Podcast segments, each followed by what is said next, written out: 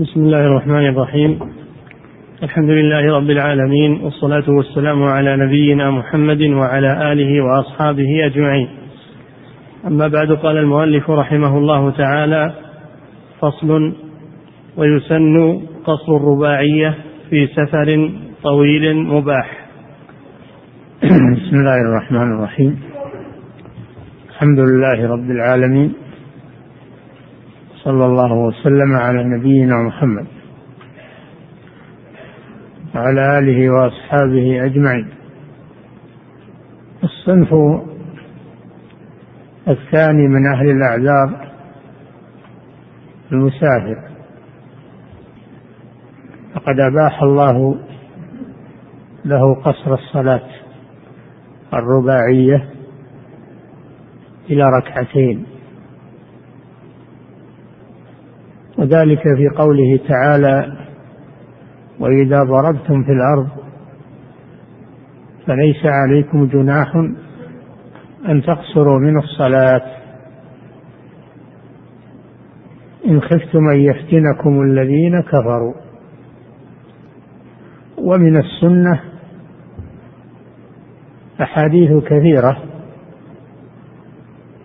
قولية وفعلية من الرسول صلى الله عليه وسلم أنه كان يقصر الصلاة في جميع أسفاره من خروجه إلى رجوعه. وأما قوله تعالى إن خفتم أن يفتنكم الذين كفروا فليس من شرط جواز القصر الخوف فهذا القيد لا مفهوم له بدليل أن عمر رضي الله عنه سأل النبي صلى الله عليه وسلم وقال ما بالنا نقصر وقد أمنا. فقال صلى الله عليه وسلم تلك صدقة تصدق الله بها عليكم. فاقبلوا من الله صدقته. فكان صلى الله عليه وسلم يقصر في حالة السفر مع الأمن. وهذه رخصة باقية إلى أن تقوم الساعة في هذه الأمة. جيلا بعد جيل. وهذا من تخفيف الله عز وجل على هذه الأمة لأن السفر في الغالب مظنة المشقة. السفر كما في الحديث قطعة من العذاب فهو مظنة المشقة. حتى ولو كان على لو كان على وسيلة مريحة فإن فيه مشقة. ولو كان في طائرة أو سيارة أو باخرة فيه مشقة. ما دام إنه سفر ففيه مشقة. قد قد تشتد هذه المشقة وقد تخف لكنه مظنة المشقة. فلذلك خفف الله عن هذه الأمة فشرع لها القصر في السفر والمراد قصر الصلاة الرباعية. وفي الحديث أن أول ما فرضت كما في حديث عائشة أول ما فرضت الصلاة ركعتين ركعتين. فأتمت صلاة الحضر وأقرت صلاة السفر.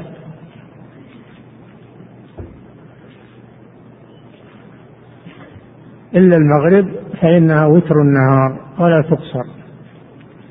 لا في حضر ولا في سفر. والفجر من أصلها باقية على ركعتين.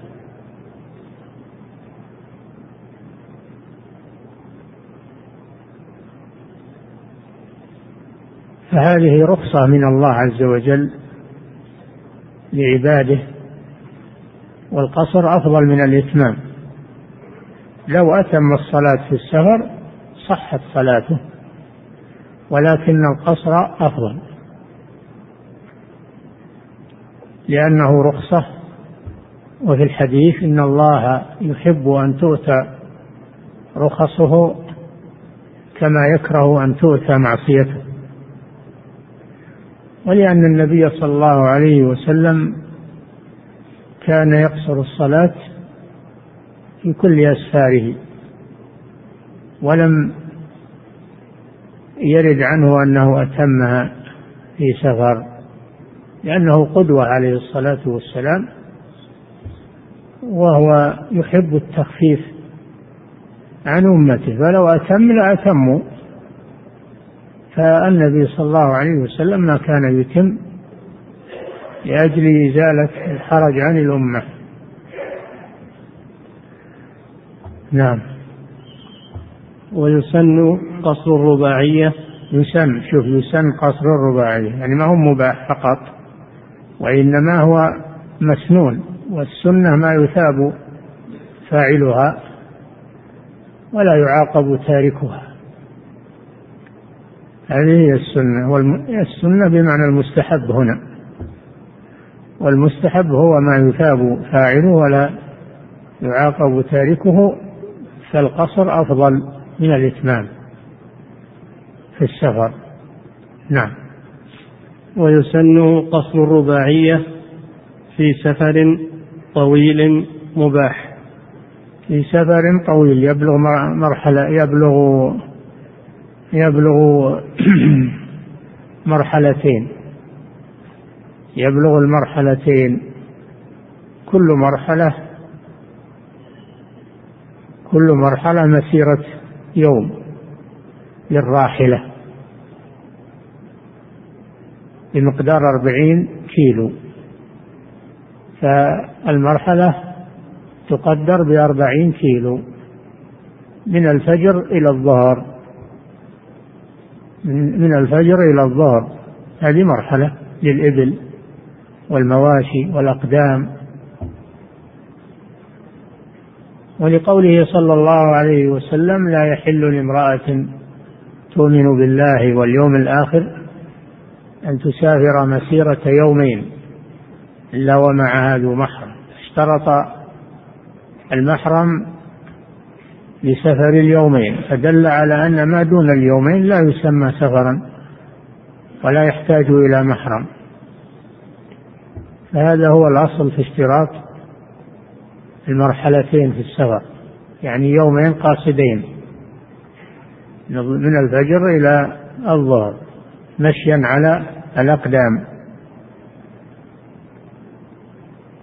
يكون المجموع ثمانين كيلو تقريبا. أما السفر القصير فهذا لا يقصر فيه لأنه لا يسمى سفرا. يعني السير القريب تنقل من مكان إلى مكان قريب دون ثمانين كيلو هذا لا يسمى سفرا ولقول ابن عباس رضي الله عنه تقصر الصلاة من مكة إلى عسفان وإلى الطائف. ومعلوم أن بين عسفان وبين مكة مقدار ثمانين كيلو على طريق المدينة. وبين مكة والطائف أيضا كذلك. نعم. في سفر طويل مباح. هذا الطويل. طويل ما يبلغ ثمانين كيلو. أما السفر القصير فلا يشرع فيه القصر. مباح يعني ليس سفر معصية. ليس سفر معصية. كالذي يسافر للقبور والمشاهد. هذا سفر معصية. وسيلة إلى الشرك. فلا والذي يسافر إلى البلاد الأخرى لأجل مزاولة المنكرات والفواحش شرب المسكرات وغير ذلك من مما يطلبه الفساق.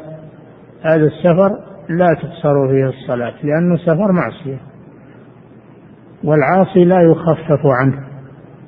إنما يخفف عن المسافر سفرا لا معصية فيه. نعم.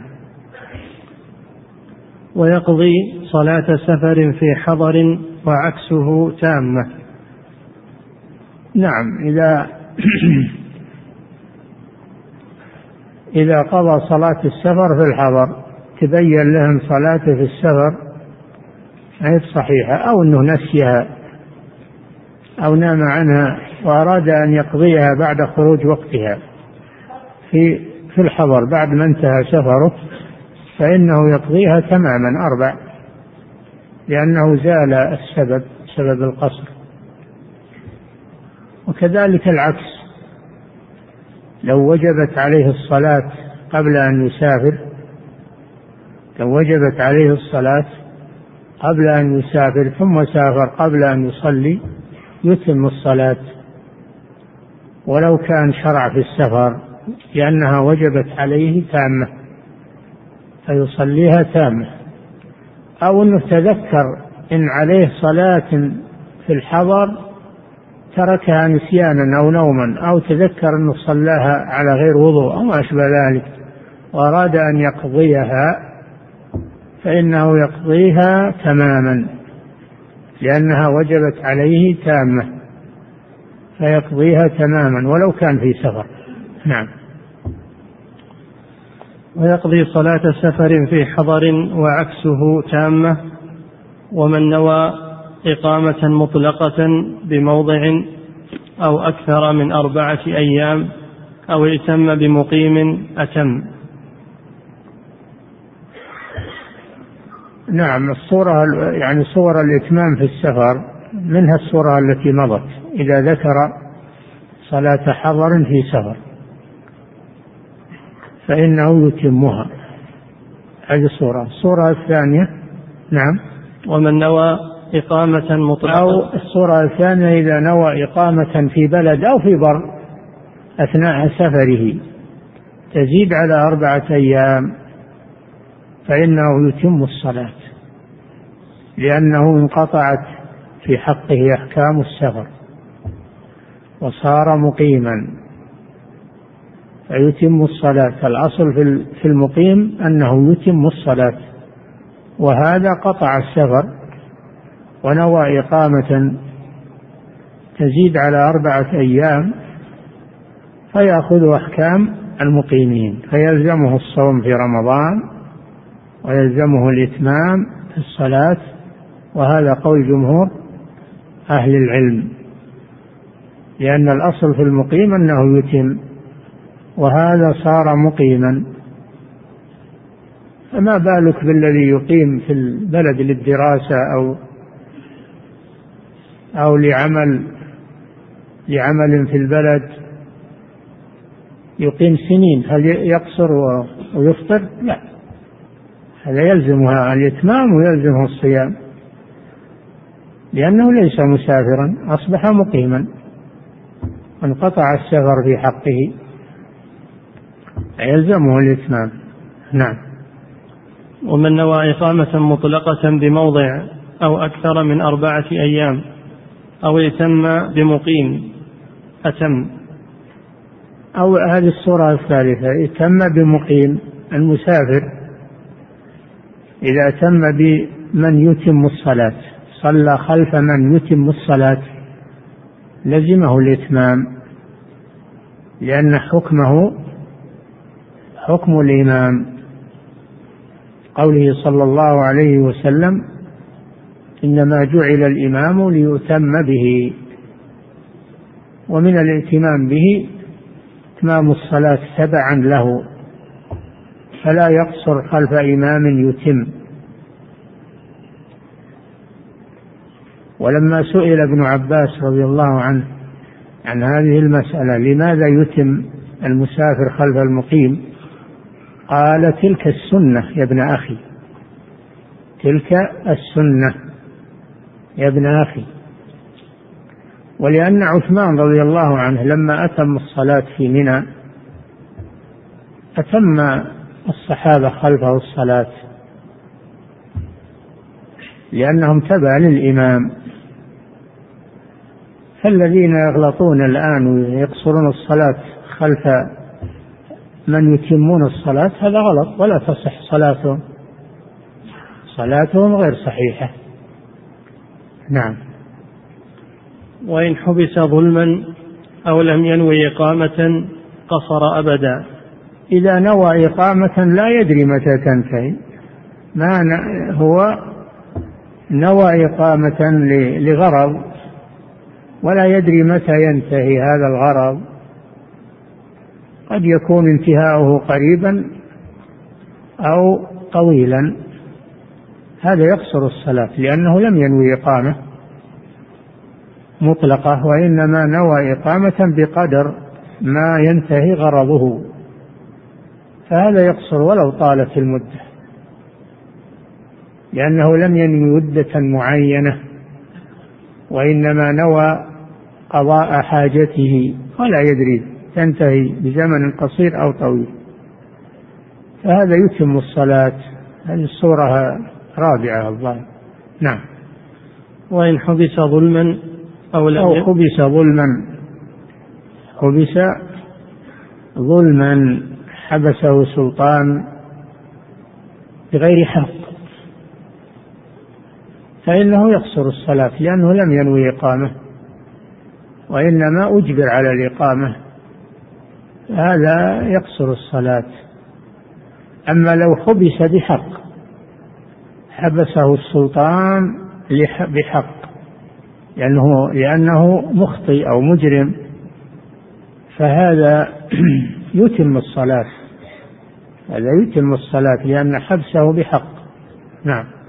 وحبسه طويل يعرف أن الحبس أنه طويل. يأخذ أشهر أو سنة. نعم. وإن حبس ظلما أو لم ينوي إقامة قصر أبدا. يعني ولو طالت المدة. وقد كان ابن عمر يقصر الصلاة في أذربيجان سنة كاملة لأن الثلج لأن الثلج حبسه عن السغر والثلج لا يدرى متى ينتهي. نعم. ويباح له الجمع بين الظهرين والعشاءين في وقت إحداهما. انتهينا من مسألة القصر. الجمع. الجمع بين الصلاتين بين الظهر والعصر وبين المغرب والعشاء. أما الفجر فإنها لا تجمع مع غيرها. صلاة منفردة. فالجمع يباح وليس سنة كما يظن بعض الإخوان يقولون نجمع نحيي السنة؟ لا ما الجمع ما هو بسنة. الجمع مباح والمباح هو ما لا يثاب فاعله ولا يعاقب تاركه وأما السنة فهي ما يثاب فاعلها. هذا ليس فيه ثواب مباح.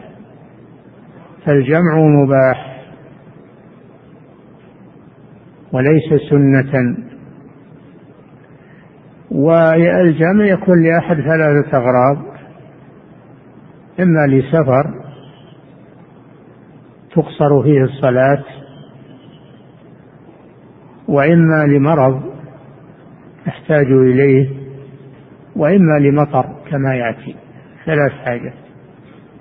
هذه الأحوال الثلاث يجوز الجمع فيها.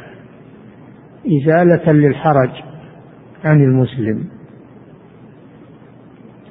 فإذا كان المسافر قد جد به السير فإنه يجمع ولا يتوقف يقول علشان أصلي يقطع السير علشان يصلي لا يستمر. والجامع يكون جمع تقديم يجمع الثانية مع الأولى في وقت الأولى. كالعصر مع الظهر والعشاء مع المغرب. هذا جمع تقديم. وجمع التأخير أن يؤخر الأولى فيصليها مع الثانية كالظهر مع العصر المغرب مع العشاء. هذا جمع تأخير. يفعل الأرفق به. إن كان الأرفق به جمع التقديم جمع. وإن كان الأرفق به جمع التأخير أخر. وفي الحديث الصحيح أن النبي صلى الله عليه وسلم كان إذا ارتحل قبل أن تزيغ الشمس يعني قبل الزوال إذا ارتحل قبل الزوال أخر الظهر صلاها مع العصر تأخيرا إذا نزل. وإذا زاغت الشمس قبل أن يرتحل صلى الظهر وقدم معها العصر ثم ارتحل. فإذا دخل عليه الوقت قبل أن قبل أن يسير دخل عليه الوقت وهو نازل في السفر وقت الأولى دخل عليه وقت الأولى وهو نازل قبل أن يسير فإنه يجمع جمع تقديم. وإذا دخل عليه الوقت في أثناء السير وقت الأولى فإنه يؤخر الأولى إلى الثانية ويجمعها جمع تأخير لأن هذا أرفق أرفق به وهذه سنة الرسول صلى الله عليه وسلم.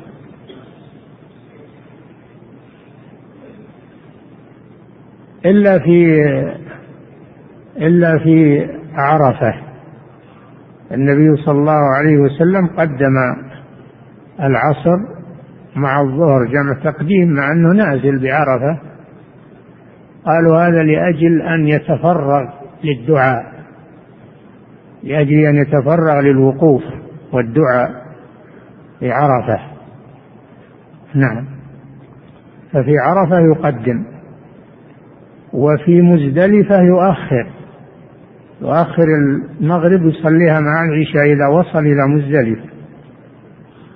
نعم.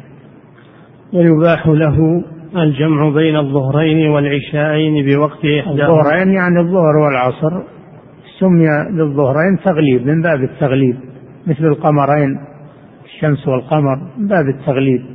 العشاءين وهي المغرب والعشاء من باب التغليب. مثل العمران لأبي بكر وعمر من باب التغليب. نعم.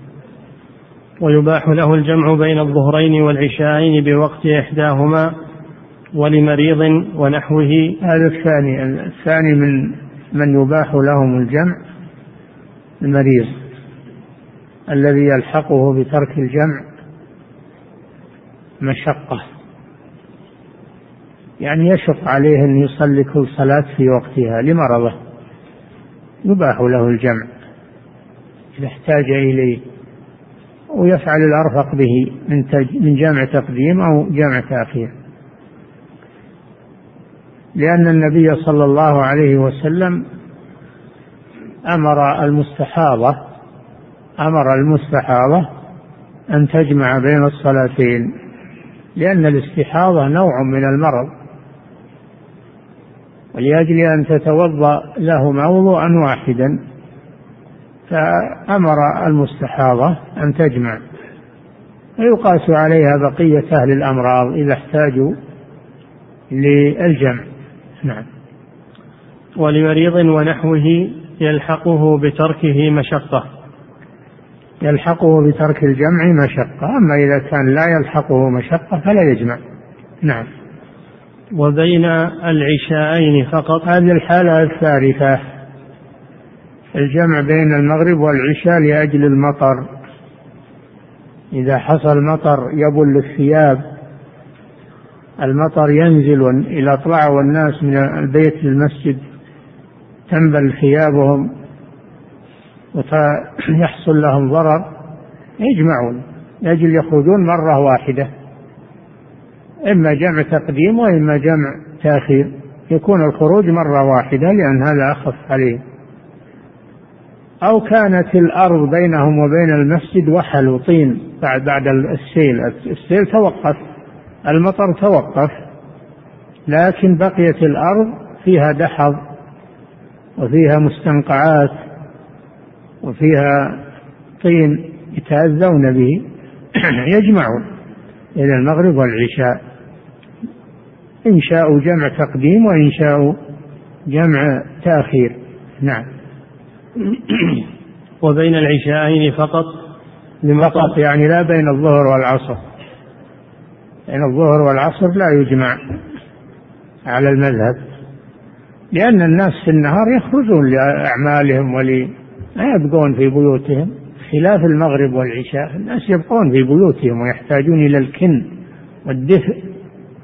بخلاف الظهر والعصر ولأن هذا لم يرد يعني مثل ما ورد الجمع بين المغرب والعشاء تكاثرت الأدلة في الجمع بين المغرب والعشاء لكن لم يرد أن أنه جمع بين الظهر والعصر ولأن الناس يخرجون إلى أعمالهم وإلى وظائفهم وإلى فلا يبقون في بيوتهم حتى يرفع عنهم الحرج والخروج مرة ثانية. نعم. وبين العشاءين فقط من مطر ونحوه يبل الثوب وتوجد معه يبل الثوب. لاحظ المطر يبل الثوب. يعني مطر غزير. أما الرذاذ والمطر اليسير الذي لا يبل الثوب هذا ليس عذرا. وبعض أئمة المساجد بمجرد ما يرى الخيال في السماء يجمع. ويقول بعمل السنة ما, ما أول شيء الجمع ما هو بسنة يا أخي الجمع مباح وليس سنة. ويفعل عند الحاجة ولا حاجة. ما جاء مطر حتى. بعضهم يجمع لو ما جاء مطر بمجرد ما يشوف الخيال في السماء يجمع هذا غلط. أو يكون في رذاذ يسير ما هذا ما ما ما ما يسبب الجمع يعني ما فيه مشقة. فيجب التنبؤ لهذا. أو يكون المطر متوقف والأرض ليس فيها دحض ولا طين. الأرض الآن مبلطة ومسافلتة وليس فيها مستنقعات وليس فيها طين والمطر متوقف. فيجمع مع أنه ما لا داعي للجمع. يجب التنبؤ لهذا لأن الأصل أن صلاة كل صلاة تصلى في وقتها. ولا يجوز الجمع إلا لعذر وهذا ما في عذر. فلا تصح صلاة المجموعة مع الأولى أو مع الأخيرة من غير عذر. هذا تلاعب بالوقت. الله جل وعلا يقول إن الصلاة كانت على المؤمنين كتابا موقوتا. قال النبي صلى الله عليه وسلم صل الصلاة لوقتها. فيجب التنبه لمثل هذه الأمور. لأن بعضهم عنده جهل في هذه يسمع بالجمع ولا يدري كيف يطبق الجمع ولا يدري متى يجمع. يجمع مجرد ما يشوف شيء من السحاب أو قليل قليل من المطر أو نازل من المطر ومنتهي والأرض ليس فيها ماء وليس فيها مستنقع يجمع. هذا خطر عظيم. نعم. لمطر ونحوه يبل الثوب وتوجد معه مشقة. توجد معه مشقة. ما ما يوجد معه مشقة فلا فلا يبيح الجمع. نعم. ولوحل. هذه الحالة الثانية. الوحل يعني المطر متوقف لكن جاء بعده وحل في الأرض. صارت دحض طين نعم. وريح شديدة باردة. هذا العذر الثالث للجمع في الحضر. أن يكون هناك ريح باردة شديدة لأن الأذى فيها أشد من الأذى بالمطر. الريح الباردة الشديدة تشق على الناس إذا حصلت يجمعون يخرجون مرة واحدة. نعم. وريح شديدة باردة لا باردة فقط إلا بليلة مظلمة. لا باردة فقط بل شديدة مع معها قوة. أما الريح مجرد الهواء ولو كانت فيها برد ما هذا ما يبيح الجمع. لكن إذا اجتمع فيها آه، البرد والشدة أباحت الجمع. نعم. لا باردة فقط إلا إلا بليلة مظلمة. نعم. والأفضل فعل الأرفق من تقديم أو تأخير. الأفضل في حالة من يباح له الجمع أن يفعل الأرفق به وبغيره. من جمع التقديم أو التأخير. نعم. وكره فعله في بيته ونحوه بلا ضرورة. أما من يصلي في بيته فيه مطر ما يجمع ما له حاجة الجمع ما له حاجة الجامع إلا إذا كان مريض. إذا كان مريض يجمع. أما مجرد المطر وهو ما يطلع من بيته لماذا يجمع؟ نعم. ويبطل جمع تقديم براتبة بينهما.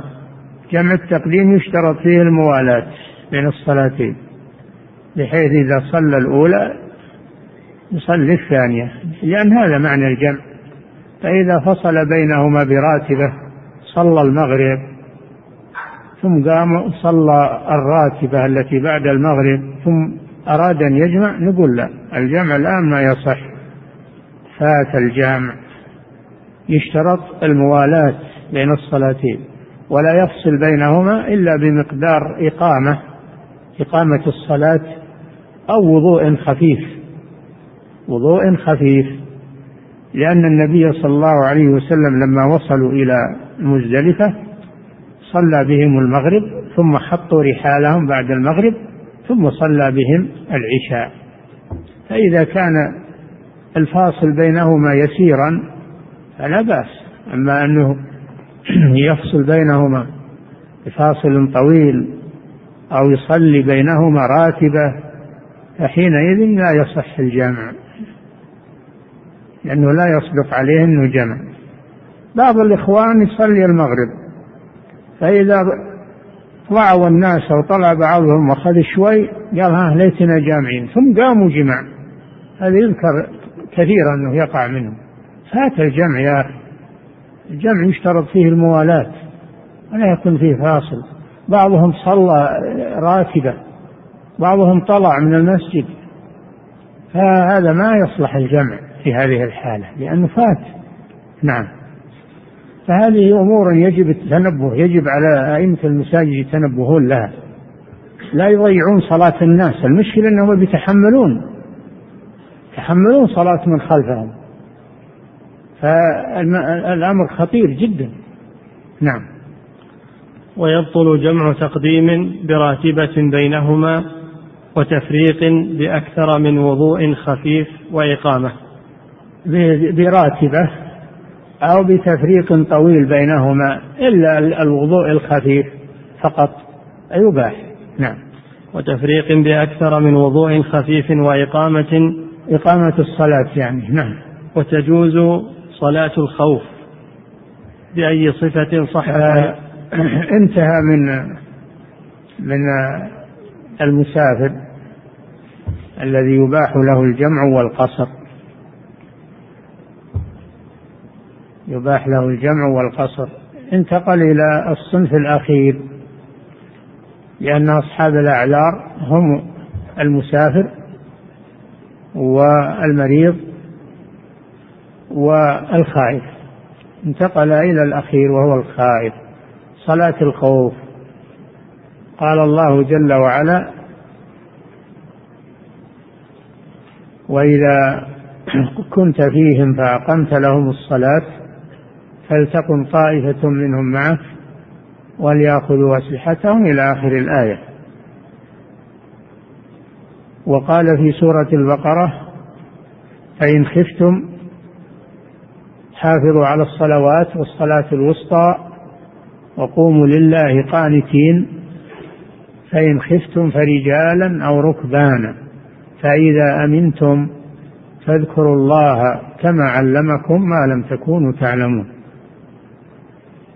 فالخوف على قسمين خوف غير شديد وخوف شديد. ولكل منهما صفة صفة خاصة به في الصلاة. وصلاة الخوف في الخوف الغير الشديد صحت عن النبي صلى الله عليه وسلم في أحاديث وصفات كثيرة. صحت عنه صلى الله عليه وسلم في صفات كثيرة ست أو سبع صفات. قال الإمام أحمد رحمه الله كلها جائزة. وأما حديث سهل فأنا أختاره. وهذه الصفات محمولة على تعدد الأحوال. هذه الصفات محمولة على تعدد الأحوال في الخوف.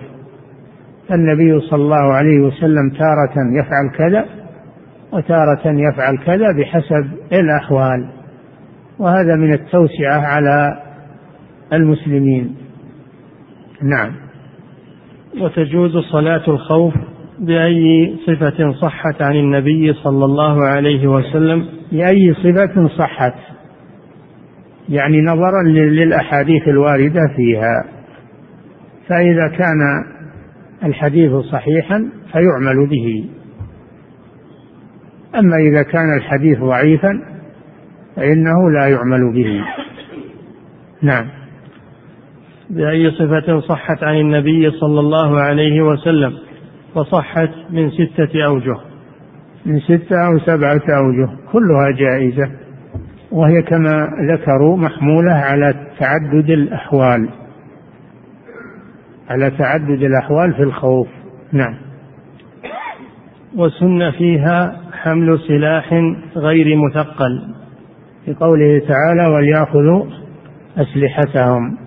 لأنه ربما يطرأ من العدو قارئ أثناء الصلاة فيحمل معه السلاح ولا يتعارض هذا مع الصلاة.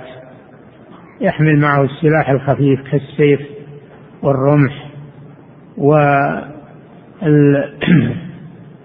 والذخيرة الخفيفة اليدوية. للطوارئ لو طرأ شيء. نعم. فصل. تلزم الجمعة. آه وصلاة الخوف المصنف طواها ما بينها صلاة الخوف كما ذكرنا على قسمين. خوف غير شديد وهذا فيه الصفات الستة والسبع. وهي على حالتين. الحالة الأولى أن يكون العدو في جهة القبلة. يكون العدو بينهم وبين القبلة. ففي هذه الحالة يصف الإمام ويصفون خلفه جميعا على صفين يجعلهم صفين صف يليه صف خلفهم. فيكبر بهم تكبيرة الإحرام جميعا. ويقومون القيام الأول جميعا ويقرؤون الفاتحة أو يقرأ الإمام وهم يستمعون في الجهرية. فإذا جاء ويركعون معه جميعا وهم يناظرون العدو في أثناء الصلاة.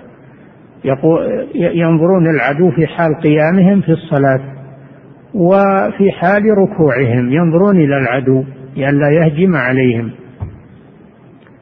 فإذا سجد الإمام سجد معه الصف الأول. وبقي الصف المؤخر ينظر إلى العدو. فإذا قام الإمام للصلاة للركعة الثانية سجد الصف المؤخر تأخر الصف المقدم وتقدم الصف المؤخر وسجدوا وقاموا مع الإمام في الثانية مثل الأولى حالة القيام والركوع ينظرون إلى العدو. فإذا سجد سجد معه الصف الذي كانوا في الركعة الأولى كانوا قائمين. ثم إذا سلم سلم بهم جميعا. هذا إذا كان العدو في جهة القبلة. وهذا كما في الآية وإذا كنت فيهم فأقمت لهم الصلاة فلتقم طائفة منهم معك وليأخذوا أسلحتهم فإذا سجدوا فليكونوا من ورائكم. ولتأتي طائفة أخرى لم يصلوا فليصلوا معك وليأخذوا حذرهم وأسلحتهم. وهذا ما يسمى بالوجه الأول. الوجه الأول إذا كان العدو في جهة القبلة. الوجه الثاني إذا كان العدو في غير جهة القبلة. فإن الإمام يصلي بطائفة يصلي بطائفة ركعة والطائفة الأخرى تواجه العدو تنظر إليه تحرس. ثم إذا صلى بالطائفة الأولى ركعة أتموا لأنفسهم الركعة الثانية وثبت الإمام قائما. ثم أتموا هؤلاء لأنفسهم وسلموا وذهبوا في موضع الحراسة. ثم جاءت الطائفة الثانية فدخلت مع الإمام وصلت معه الركعة الثانية. فإذا جلس الإمام للتشهد الأخير قاموا وأتموا لأنفسهم أتموا لأنفسهم ثم سلم بهم الإمام. سلم بالطائفة الثانية. فتكون الطائفة الأولى أدركت مع الإمام تكبيرة الإحرام وصلت معه ركعة وأتمت لنفسها. الطائفة الثانية أدركت معه ركعة وسلموا معه. يكون هذا من العدل بين الطائفتين. يكون هذا من العدل بين الطائفتين. هذه الصفة الثانية إذا كان العدو في غير جهة القبلة. وهناك صفات أخرى مذكورة في كتب الفقه والأحاديث تراجع لأن لأنها تحتاج إلى وقت طويل تبلغ ست صفات أو سبع صفات. نعم. هذا إذا كان الخوف ليس شديدا. أما إذا كان الخوف شديدا فإنهم يصلون على حسب حالهم ركبانا أو مشاة. كما قال تعالى فإن خفتم فرجالا يعني ماشين أو ركبانا هاربين عن العدو متجهين إلى القبلة أو إلى غير القبلة. فيصلي وهو يعدو على قدميه ويصلي وهو راكب على على مركوبه إلى غير القبلة أو إلى أو أو إلى القبلة. يسقط عنهم الاستقبال في هذه الحالة للضرورة. فدل هذا على أن الصلاة لا تترك بحال. إذا كانت لا تترك في شدة الخوف فكيف تترك في حالة الأمن والاستقرار؟ الصلاة لا تسقط بحال لا عن المريض ولا عن المسافر ولا عن الخائف ولكنه يصلي بحسب حاله. دل على أنها لا تسقط أبدا. نعم. فصل تلزم الجمعة. كل مسلم مكلف. الجمعة انتهى من الصلوات الخمس انتقل إلى صلاة الجمعة. صلاة الجمعة صلاة عظيمة يجتمع لها أهل البلد في مسجد واحد ويتقدمها خطبة فهي صلاة عظيمة. قد جاء في الحديث الصلوات الخمس والجمعة إلى الجمعة ورمضان إلى رمضان كفارة لما بينهن إذا اجتنبت الكبائر. وجاء في الحديث أن من بكر صلاة الجمعة ودنا من الإمام وأنصت ولم يتكلم وقت الخطبة فإنه يكتب له فإنه يغفر له ما بين الجمعتين وزيادة ثلاثة أيام. لأن الحسنة بعشر أمثالها الجمعة إلى الجمعة سبعة أيام وزيادة ثلاثة أيام. فيكون يغفر له عشرة أيام لأن الحسنة بعشر أمثالها وقال صلى الله عليه وسلم من ترك ثلاث جمع متهاونا طبع الله على قلبه. قال لينتهين أقوام عن ودعهم الجمعات أو ليختمن الله على قلوبهم ثم ليكونن من الغافلين. الجمعة أمرها عظيم.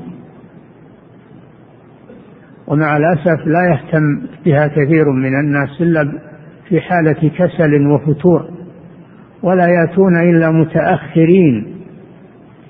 يفوت تفوتهم الخطبة أو يفوتهم أول الصلاة أو تفوتهم الصلاة كلها ولا يبالون.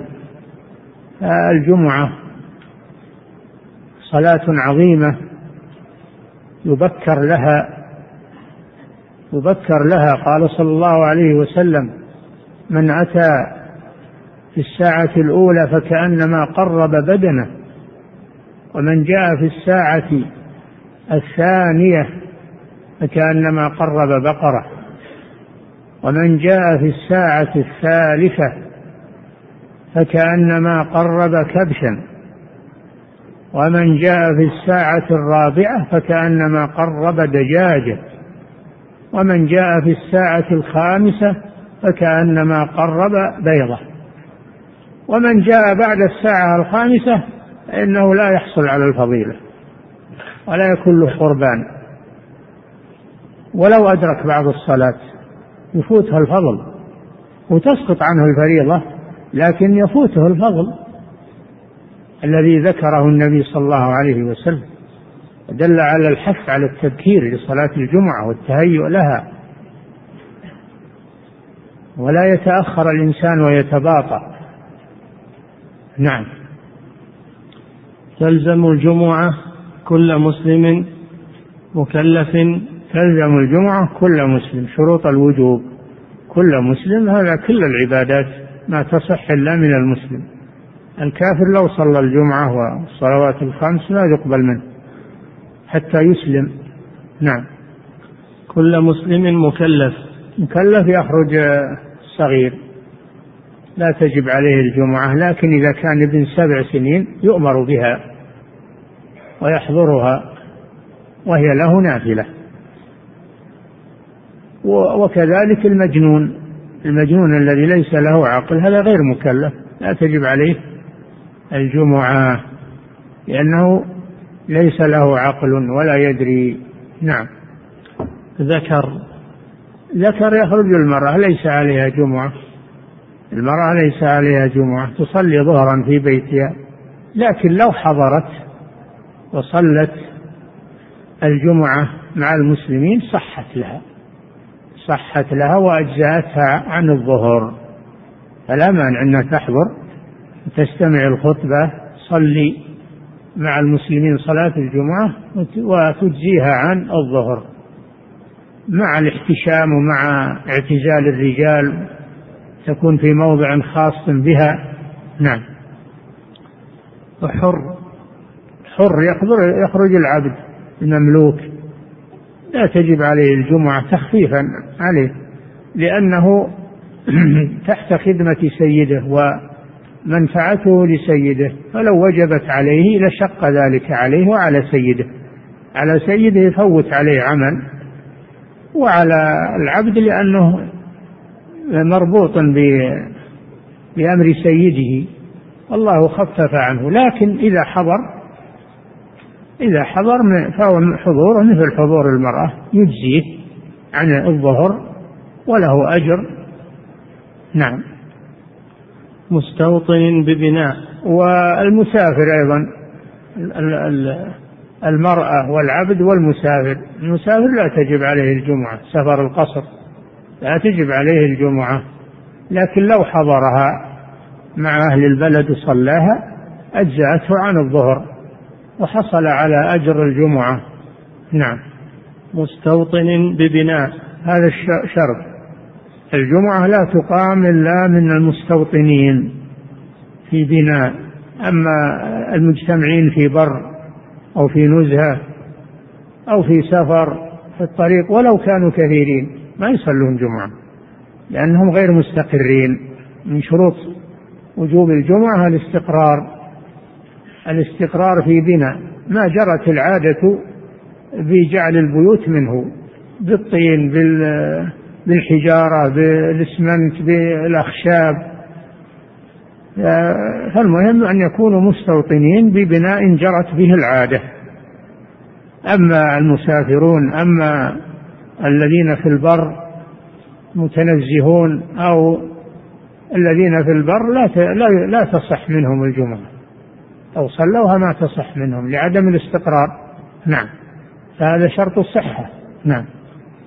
ومن صلى الظهر ممن عليه الجمعة قبل الإمام لم تصح. الذي تجب عليه الجمعة هي فرضه في هذا اليوم. هي فرضه.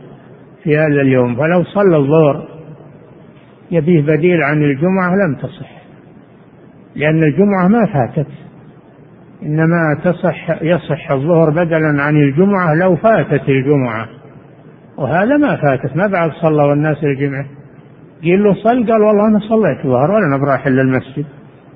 هذا يلزم بالحضور لأنه ما تصح منه الظهر. نعم. ومن صلى الظهر ممن عليه الجمعة قبل الإمام لم تصح وإلا صحت والأفضل بعده. أي نعم إذا إذا فاتت الجمعة عليه صليها ظهرا لأن الظهر يكون في هذا اليوم يكون بديلا عن الجمعة. نعم لأن الأصل الجمعة هي فرض الوقت. نعم. وإلا صحت والأفضل بعده. وحرم سفر من تلزمه بعد الزوال. وكره هذه مسألة. إذا صار يوم الجمعة إذا صار يوم الجمعة فينبغي للمسلم أن لا يسافر لأجل أن يحضر الجمعة. فإن سافر أول النهار فهذا مكروه يكره له ذلك. إلا أن إلا أن يجد جمعة في طريقه فيصليها مع الناس في طريقه فلا بأس.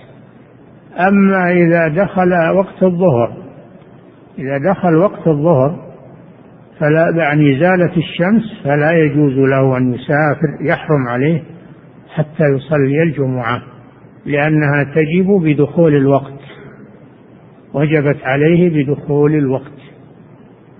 فلا يجوز له أن يسافر حتى يصلي الجمعة.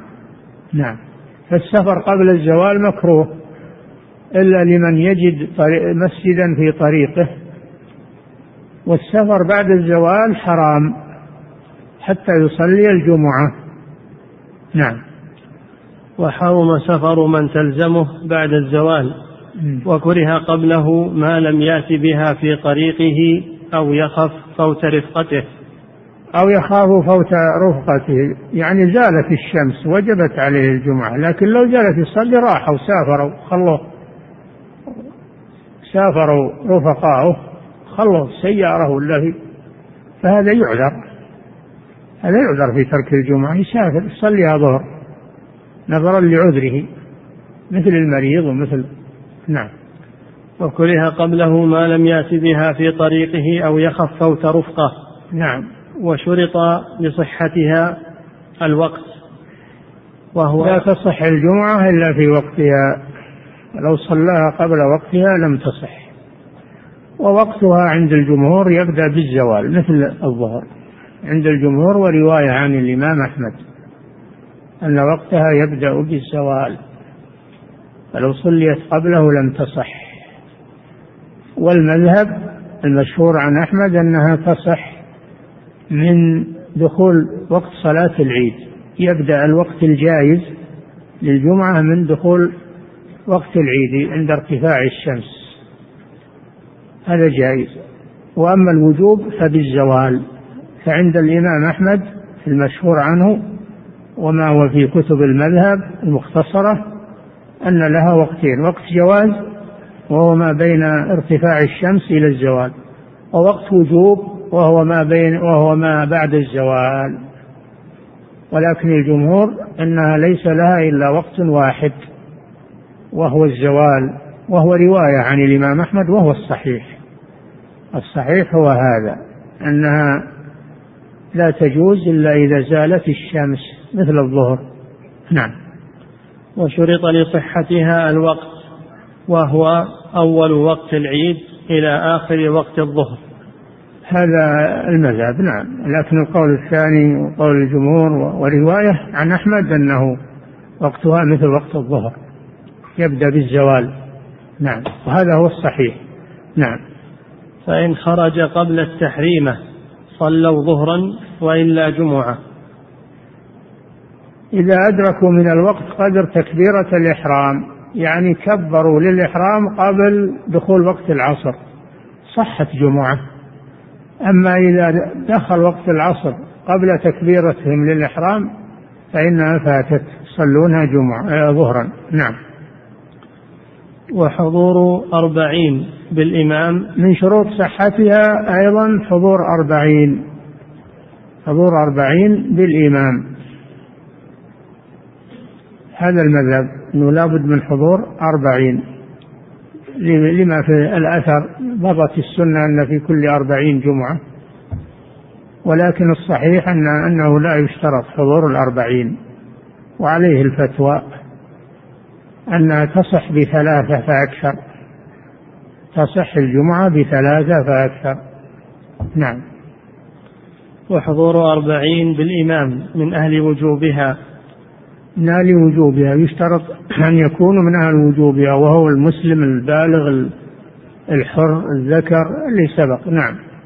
فإن نقصوا قبل إتمامها استأنفوا جمعة إن أمكن وإلا ظهرا. هذا على القول بأنه لا بد من أربعين لكن الصحيح أنه لا يشترط حضور أربعين لأنه لا دليل على التحديد. لم يصح دليل على التحديد بأربعين. نعم. ومن أدرك مع الإمام ركعة أتمها جمعة. لماذا تدرك الجمعة؟ تدرك بإدراك ركعة. في قوله صلى الله عليه وسلم من أدرك ركعة من الجمعة فليضف إليها أخرى. وقد تمت جمعته أما لو جاء وقد رفع الإمام رأسه من الركعة الثانية فإنه فاتته الجمعة فيدخل معهم بنية الظهر. فإذا سلموا قام وأتى بأربع ركعات صلاة الظهر. نعم. وتقديم خطبتين. يشترط لصحة الجمعة تقديم خطبتين لأن النبي صلى الله عليه وسلم كان يخطب خطبتين يفصل بينهما بجلوس.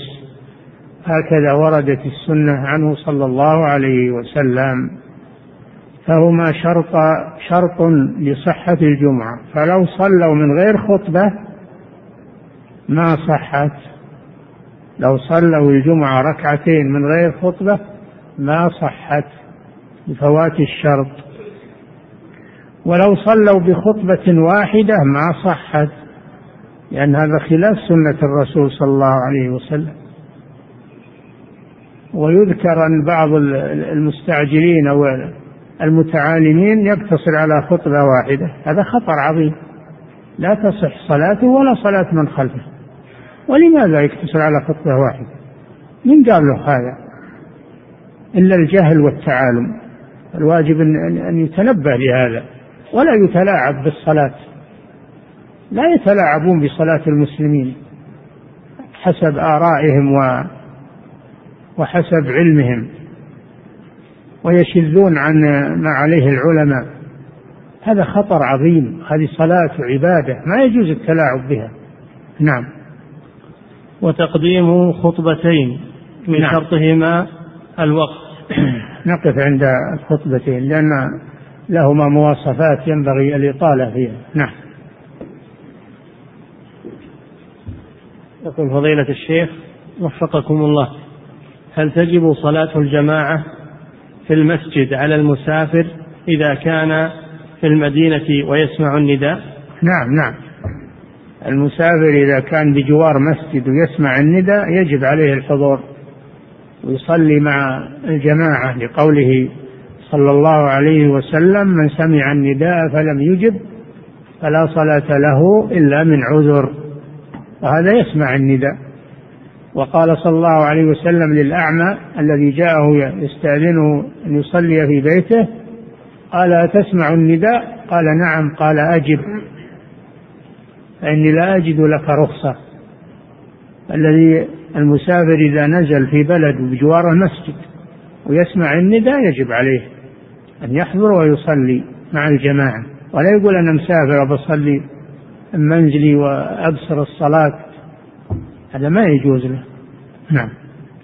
يقول فضيلة الشيخ وفقكم الله هل الجمع في سفر النزهة يعد مباحا؟ علما أن مكان الإقامة ليس واحدا فيكثر التنقل والماء أيضا لا يتوفر كثيرا. لا بأس إذا صار السفر مباح يبلغ ثمانين كيلو ولو كان للنزهة لأنه سفر.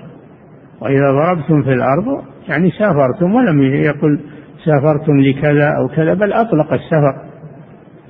نعم. يقول فضيلة الشيخ وفقكم الله في حديث عائشة رضي الله عنها أول ما فرضت الصلاة ركعتين الحديث. هل يدل على أن الصلاة فرضت مرتين مرة في السماء ومرة قبلها؟ أول ما فرضت في المعراج ليلة المعراج. صلى النبي صلى الله عليه وسلم بمكة ركعتين ركعتين. فلما هاجر إلى المدينة أتمت صلاة الحضر صارت أربعا. نعم. إلا المغرب فإنها بقيت على ما هي عليه. وإلا الفجر فإنها تطول فيها القراءة. بقيت ركعتين لأنها تطول فيها القراءة. نعم. يقول فضيلة الشيخ وفقكم الله هل مداومة النبي صلى الله عليه وسلم على قصر الصلاة هل تكون دليلا على القول بوجوب القصر؟ لا لا يدل على القول بوجوب القصر. هذا عند الظاهرية الظاهرية يوجبون القصر لكن الجمهور لا. يقولون أن القصر أفضل. والإتمام جائز. نعم. يقول فضيلة الشيخ وفقكم الله إذا صليت مع إمام وجمع الصلاة وليس هناك مطر كثير أو وحل فهل لي أن أخرج من المسجد أم أصلي معه؟ يعني إذا كان الجمع غير صحيح فلا تصلي معهم أخرج. يعني يجوز لك تصلي صلاة غير صحيحة بل يجب عليك تنبههم. يجب عليك أن تنبههم أن تقول هذا غير جائز. نعم. يقول فضيلة الشيخ وفقكم الله هل يشترط نية السفر لقصر الصلاة؟ فلو خرج جماعة لرحلة برية مسافة قصر وهم لم ينووا السفر فهل لهم أن يقصروا؟ إذا كانوا قاصدين المسافة هذا سفر. لو لو ما نووا السفر. فإذا قصدوا مسافة تبلغ ثمانين هذا سفر. أما إذا خرجوا ما يدرون ما ينزلون فيه. يبي يمشون يمكن ينزلون قريب بعيد ما ما قصدوا مسافة معينة فهذا لا يعد سفرا. نعم. يقول فضيلة الشيخ وفقكم الله من أراد السفر عن طريق مطار الملك خالد فهل يعد مسافرا هناك فيقصر ويجمع؟ هذا ينبني على المطار هل هو داخل البلد ولا خارج البلد؟ فإن كان خارج البلد فإنه يقصر. أما إذا كان المطار داخل البلد فلا يقصر.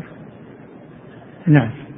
يقول فضيلة الشيخ وفقكم الله جاء في حديث لأحد هذا في كل المطارات ما كان داخل البلد فلا يقصر فيه وما كان خارج البلد يقصر فيه. نعم.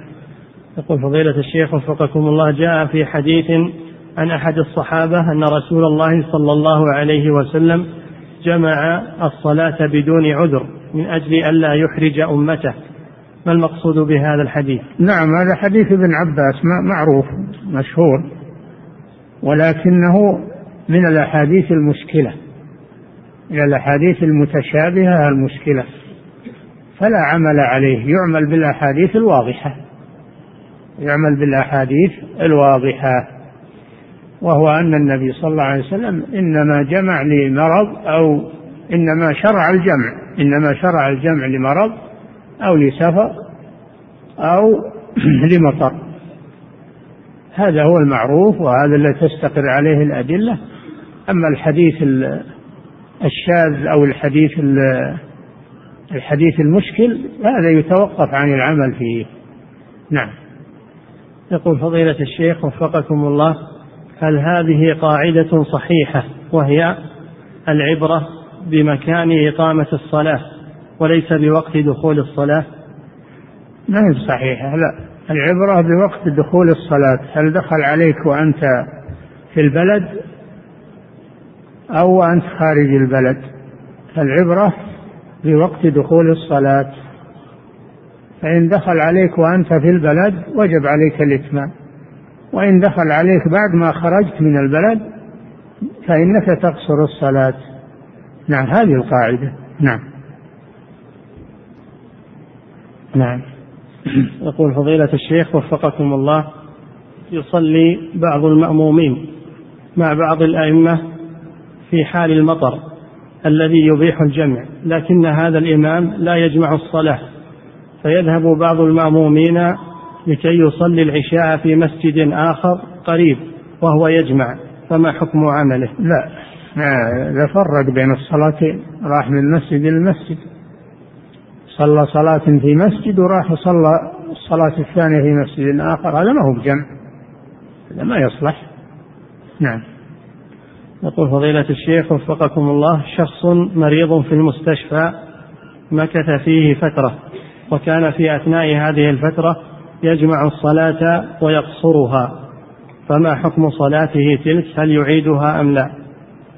هذا الجهل حتى بعض أئمة المساجد إذا أجمعوا للمطر يقصرون تكرر وقوع هذا منه. هذا جهل عظيم ولا يجوز. القصر إنما يجوز في السفر وهذا ما هو مسافر هذا مقيم لكن جمع للمرض. فيباح له الجمع فقط. وأما القصر فلا يجوز ولا تصح صلاته عليه أن يعيد كل الصلوات التي قصرها في المستشفى. نعم.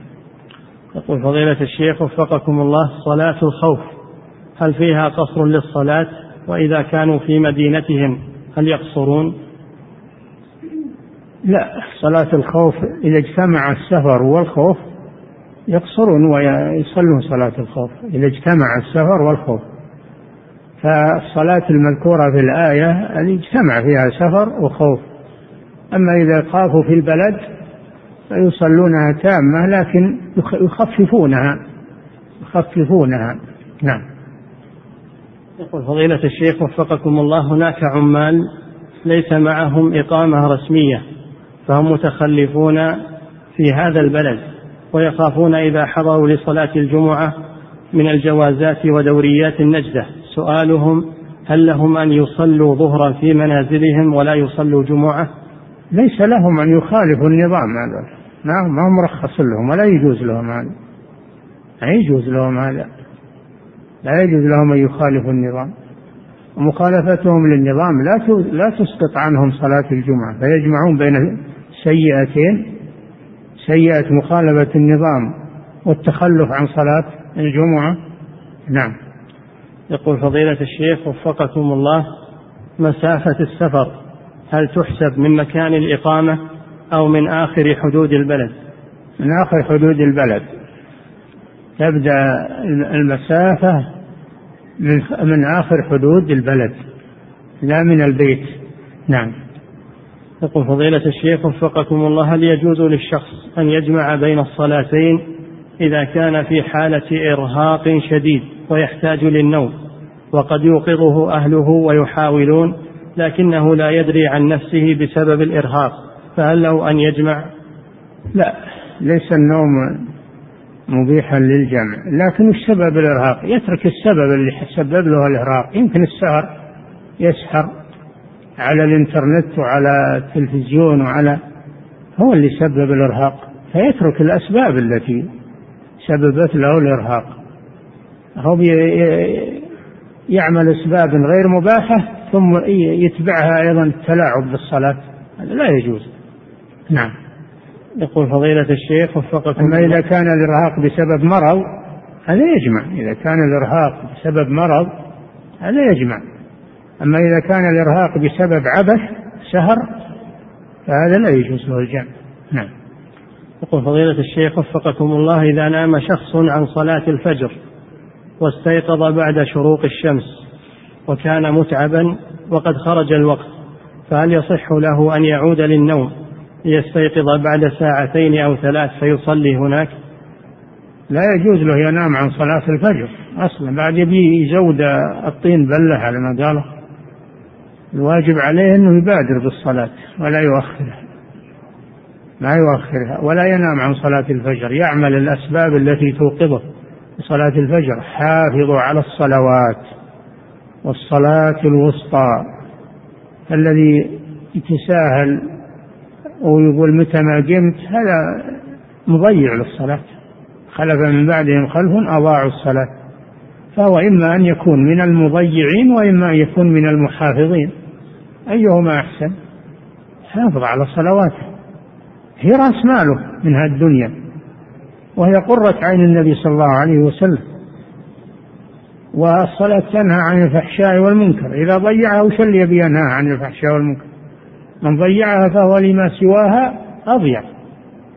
نعم.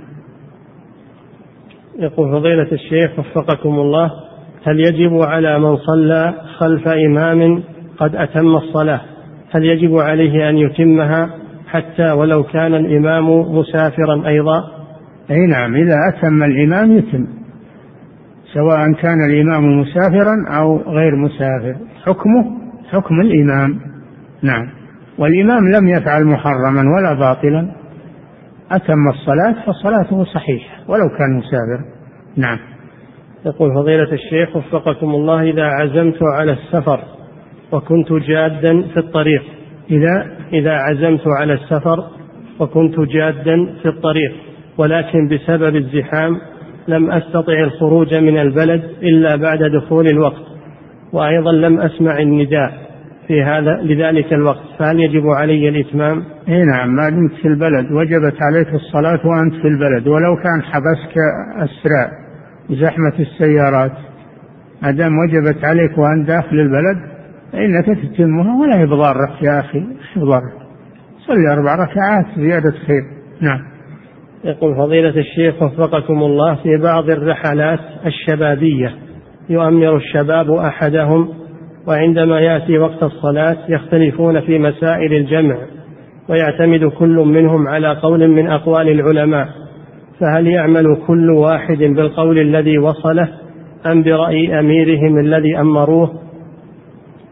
يعملون بالقول الراجح القول الراجح بالدليل ولا يختلفون لا يختلفون ويأخذون برأي أعلمهم وأفقههم. إذا كان معهم واحد أفقه منهم يأخذون برأيه ما بصيرين كلهم سواء يصير بعضهم أفقه من بعض. نعم. وإلا الحمد لله اليوم الاتصالات سهلة. يتصلون بالجوال على أحد العلماء ويسألون كأنه حاضر معهم. نعم. يقول فضيلة الشيخ وفقكم الله كيف تحدد ساعات الجمعة؟ الأولى والثانية والثالثة؟ إلى الخامسة كيف تحدد ومن أين تحسب؟ ما هي بالمراد بالساعات اللي هي الساعات المعروفة الآن ستين دقيقة؟ مراد بالساعات والله أعلم أجزاء الوقت أجزاء الوقت. والبداية قيل تبدأ من الفجر الساعة الأولى من بعد الفجر وقيل من بعد طلوع الشمس. فالساعات إنما هي بحسب وقت الحضور. فالمتقدم يكون أفضل من المتأخر. نعم. يقول فضيلة الشيخ وفقكم الله ذكرتم أن النبي صلى الله عليه وسلم كان إذا ارتحل قبل أن تزيغ الشمس أخر الظهر مع العصر وإذا ارتحل بعد أن تزيغ الشمس قدم العصر مع الظهر. نعم. السؤال هل إذا ارتحل الإنسان بعد أن تزيغ الشمس فقدم العصر مع الظهر. هل يتم أم يقصر؟ علما بأنه ما زال في بيته ولم يرتحل بعد ما أنتم مرتحلين عن هالمسألة. ما دام في البلد في بيته أو خارج بيته فهو مقيم ما بعد بدأت الرخصة فيتم الصلاة. ولا يجمع أيضا ما بعد بدأ الجمع. يصلي الصلاة الأولى ولا يجمع معها لأنه ما صار مسافر إلى الآن. نعم.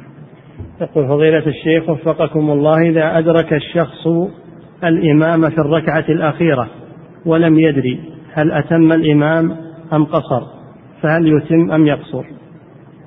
يتم يبني على الأحوط يبني على الأحوط وهو الإتمام. نعم. يقول فضيلة الشيخ وفقكم الله أهل بيت فقراء وتأتي إليهم زكاة أموال فيجمعونها لكي يسددوا عن أبيهم الذي توفاه الله. فما حكم هذا العمل؟ علما أن بعض أصحاب الزكاة يشترط أن تدفع هذه الزكاة إلى الصغار الذين في البيت. آه الزكاة إذا الفقير. الفقير إذا أخذ الزكاة يتصرف فيها. صارت ملكا له. ما دام أنه فقير وأخذها يتصرف فيها. إن شاء أكلها وإن شاء تصدق بها وإن شاء سدد بها دينه أو دين أبيه يتصرف فيها كما يتصرف في ماله. أما الجزئية الأخيرة من السؤال إذا دفعت للقصار فلا يجوز أن يأخذوها ويسددون بعدين والدهم لأنها مدفوعة للقصار فترصد لهم. ترصد للقصار وتجعل لمصالح القصار. ولا يسدد بها دين. نعم. يقول فضيلة الشيخ وفقكم الله لي ولدان أحدهما عمره ستة عشر سنة والثاني ثلاثة عشر سنة. يكتب والثاني ثلاثة عشرة سنة. وراه ثلاثة ثلاثة عشر سنة. لا. العكس. ثلاث عشرة سنة. آه هي نعم. أي. يتعبانني في قيامهما لصلاة الفجر. حتى تفوتني تكبيرة الإحرام. ويتعمدان أيضا ترك سنة الوتر وسنة الفجر. ويقول لي الكبير منهما إنها ليست واجبة فلا تلزمنا بها. السؤال هل أتركهما صلوها أم لم يصلوها؟ أم ماذا أفعل حفظكم الله؟ الفريضة المهم الفريضة لا تفوتهم الفريضة. هذا ألزم شيء وأهم شيء. أما الرواتب فإذا أدوها فهي زيادة خير وإذا لم يؤدوها فلا تلزمهم. لكن عليك بالصبر عليهم وإيقاظهم مبكرين. ايقظهم مبكرين حتى يتمكنوا من راتبة الفجر ومن إدراك الجماعة. نعم. يقول فضيلة الشيخ وفقكم الله في هذا الزمن زفلتت الشوارع ووجدت السيارات التي تنقل الناس فإذا نزل مطر شديد فإنه لا توجد مشقة للذهاب للمسجد والناس أيضا لو جمعوا لا يجلسون في بيوتهم في هذا العصر بل يذهبون لمحلاتهم وإلى غير ذلك فهل يباح الجمع والحال هذه؟ نعم بين المغرب والعشاء يباح الجمع. ولو كانوا يأتون للمسجد سيارات. لأنه إذا طلع بيركب السيارة نزل عليه المطر إذا نزل منها دي البيت نزل عليه المطر يمكن تعطل السيارة بعد ولا تمشي في أثناء الطريق ينزل عليه المطر. هذا هو السنة أنه يجمع. نعم. يقول فضيلة الشيخ وفقكم الله هل تجمع صلاة الجمعة مع صلاة هل تجمع صلاة العصر مع صلاة الجمعة؟ لا ليست من جنسها. إنما تجمع العصر مع الظهر ولا تجمع مع الجمعة لأنها ليست من جنسها ولأن هذا لم يرد به دليل ولا عمله أحد من أهل العلم. وقد صدرت فيه فتوى من اللجنة الدائمة بمنع هذا الشيء. نعم. يقول فضيلة الشيخ وفقكم الله امرأة فقيرة تريد الخلع من زوجها وقد امرأة؟ امرأة فقيرة نعم. تريد الخلع من زوجها. فقد طلب منها مبلغا ماليا قدره أربعون ألف ريال. السؤال هل تعطى من الزكاة وحالها هذه؟ نعم. هذه غارمة. هذه غارمة لنفسها. تعطى. والله جل وعلا يقول والغارمين. نعم هذه غارمة لنفسها فكاف نفسها. نعم. يقول فضيلة الشيخ وفقكم الله بالنسبة للطلبة المسافرين للدراسة يقومون بالقصر وحجتهم أنهم لا يعلمون متى ينتهون من دراستهم. فهل هذا الكلام صحيح؟ لا ما هو صحيح. يدرون متى تنتهي دراستهم. ما كان أحد ما يدري متى تنتهي دراسته الدراسة محددة. هم يعلمون هذا. نعم. وفضيلة الشيخ وفقكم الله في قول النبي صلى الله عليه وسلم من ترك ثلاث جمع تهاونا طبع الله على قلبه هل معنى ذلك أن تاركها يعد كافرا؟ لا هذا وعيد هذا من باب الوعيد. ولا يعد كافرا لكن هذا من باب الوعيد أن الله يعاقبه بأن يغير عليه قلبه والعياذ بالله. نعم. يقول فضيلة الشيخ. وقد يكفر قد يكفر إذا طبع الله على قلبه قد يكفر فيما بعد. نعم. يقول فضيلة هذا خطر عظيم. نعم.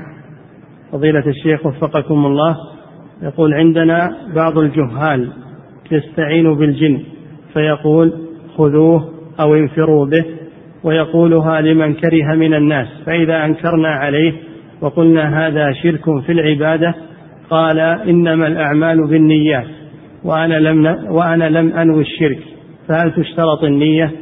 لا يجوز له هذا.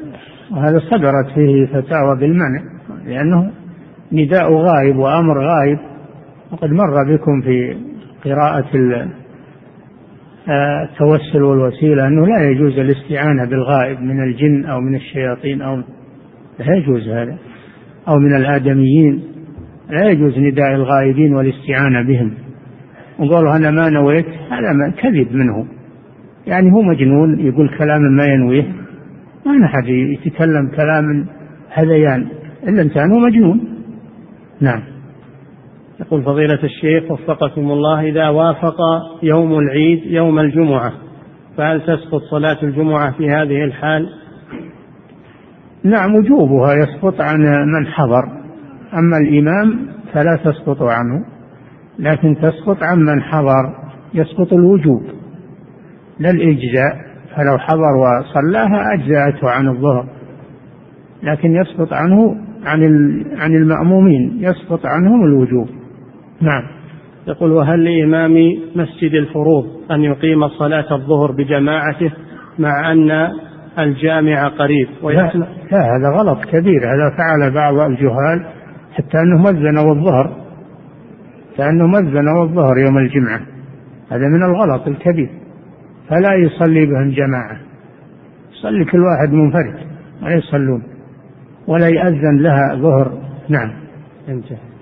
الله تعالى أعلم وصلى الله وسلم على نبينا محمد وعلى